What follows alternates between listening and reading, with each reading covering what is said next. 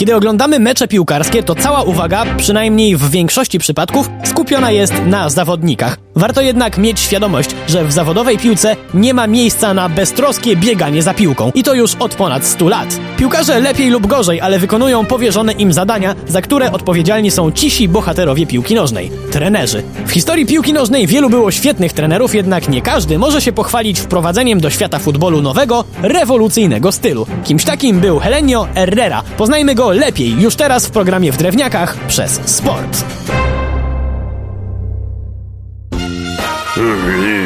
Chwila, chwila, panie Drewniak. Toć o tym całym Herrerze to już pan kiedyś wspominałeś. To prawda. W sumie to całkiem niedawno, bo przy okazji opowieści o początkach pierwszej wielkiej Barcelony.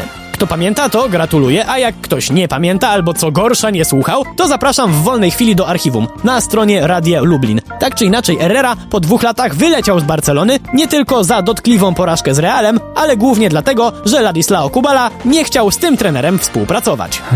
Jednak to nie był koniec argentyńskiego trenera. O nie, w 1960 roku rozpoczął pracę w Interze Mediolan, który dziś jest legendą włoskiej piłki, natomiast kiedy do klubu przychodził Herrera, to mało kto obawiał się tej drużyny. Ale teraz ktoś, kto trochę ogarnia historię włoskiej piłki, zarzuci mi, że gadam głupoty, bo przecież już wtedy w Interze były takie nazwiska jak Mazzola czy Corso, prawda? Ale chłopaki mieli wtedy po 19 lat i stawiali dopiero pierwsze piłkarskie kroki. Do bogów futbolu jeszcze im wtedy trochę brakowało. Trener zaczął budować skład od nowa. Nie obyło się bez znajomości z dawnych lat, bo z Barcelony ściągnął do Mediolanu Luisa Suareza, jednak to nie linia pomocy miała się stać popisową formacją Interu. Herrera chciał oprzeć swoją drużynę na solidnej niczym betonowa tama, czy tam cementowa, nie do końca wiem z czego się robi tamy, tak czy inaczej na bardzo solidnej obronie. Wymienienie tutaj nazwisk sprowadzonych zawodników nie ma absolutnie żadnego sensu, natomiast warto przyjrzeć się bliżej taktyce, która odmieniła oblicze futbolu. Technice nazywanej catenaccio, czyli po włosku rygiel. To właśnie Herrera wprowadził na salony piłkarskie taktykę opracowaną jeszcze w latach 30. przez pewnego austriackiego trenera. Plan był prosty. Szczelnie blokować własną bramkę, a bramki zdobywać ze sprawnie przeprowadzonych kontrataków. Zwycięstwa miały być może i niewysokie, za to pewne. Żeby taka formacja była skuteczna, jeden z graczy musiał spełniać nową w piłce nożnej rolę stopera. Taki piłkarz był przedostatnią deską ratunku. Zanim grał już tylko bramkarz. Co prawda, jak już wspomniałem, pomysł na taką grę miał już swoje lata, jednak to właśnie Herrera uważa się za popularyzatora stylu, który dla wielu osób zabił na długie lata włoską piłkę.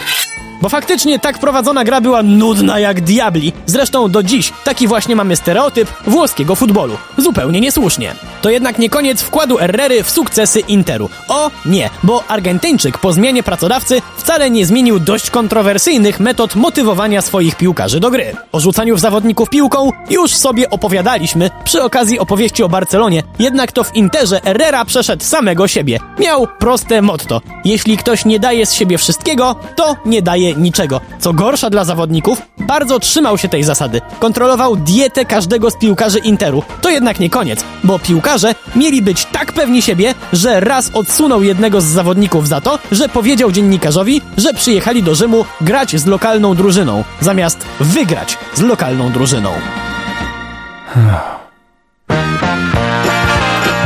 Powiedzmy sobie jasno, Herrera nie był łatwy w obejściu, jednak w odróżnieniu od Barcelony trafił na zgraną drużynę posłusznych chłopaków, a nie na takie indywidualności z wybujałym ego jak Kubala w Barcelonie. Poza tym trenerowi można wiele wybaczyć tak długo jak bronią go wyniki, a tutaj do argentyńskiego trenera długo nie można się było przyczepić. W 1963 roku Inter zdobył Mistrzostwo Włoch, a co za tym idzie w kolejnym sezonie mógł rozpocząć zmagania w Pucharze Europy, przemianowanym potem na Ligę Mistrzów. Jak w bojach z najlepszymi drużynami Europy sprawdziła się taktyka Catenaccio? Powiedzmy to sobie tak. Do finału Inter dotarł bez porażki, jednak w ostatnim meczu rozgrywek drużyna Herrery trafiła na klub, który pozbawił go kiedyś pracy w Barcelonie, przynajmniej oficjalnie. Tak jest, chodzi o Real Madryt.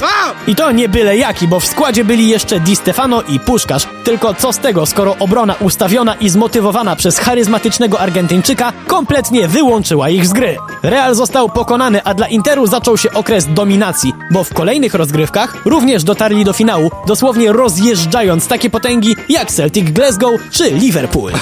Tym razem drużynie Herrery w finale przyszło zmierzyć się z Benficą Lizbona i pogodą, bo finał na San Siro toczył się w ulewnym deszczu. Jak już sobie powiedzieliśmy, gra nastawiona na obronę nie miała porywać tłumów, a jeszcze rozgrywana w deszczu?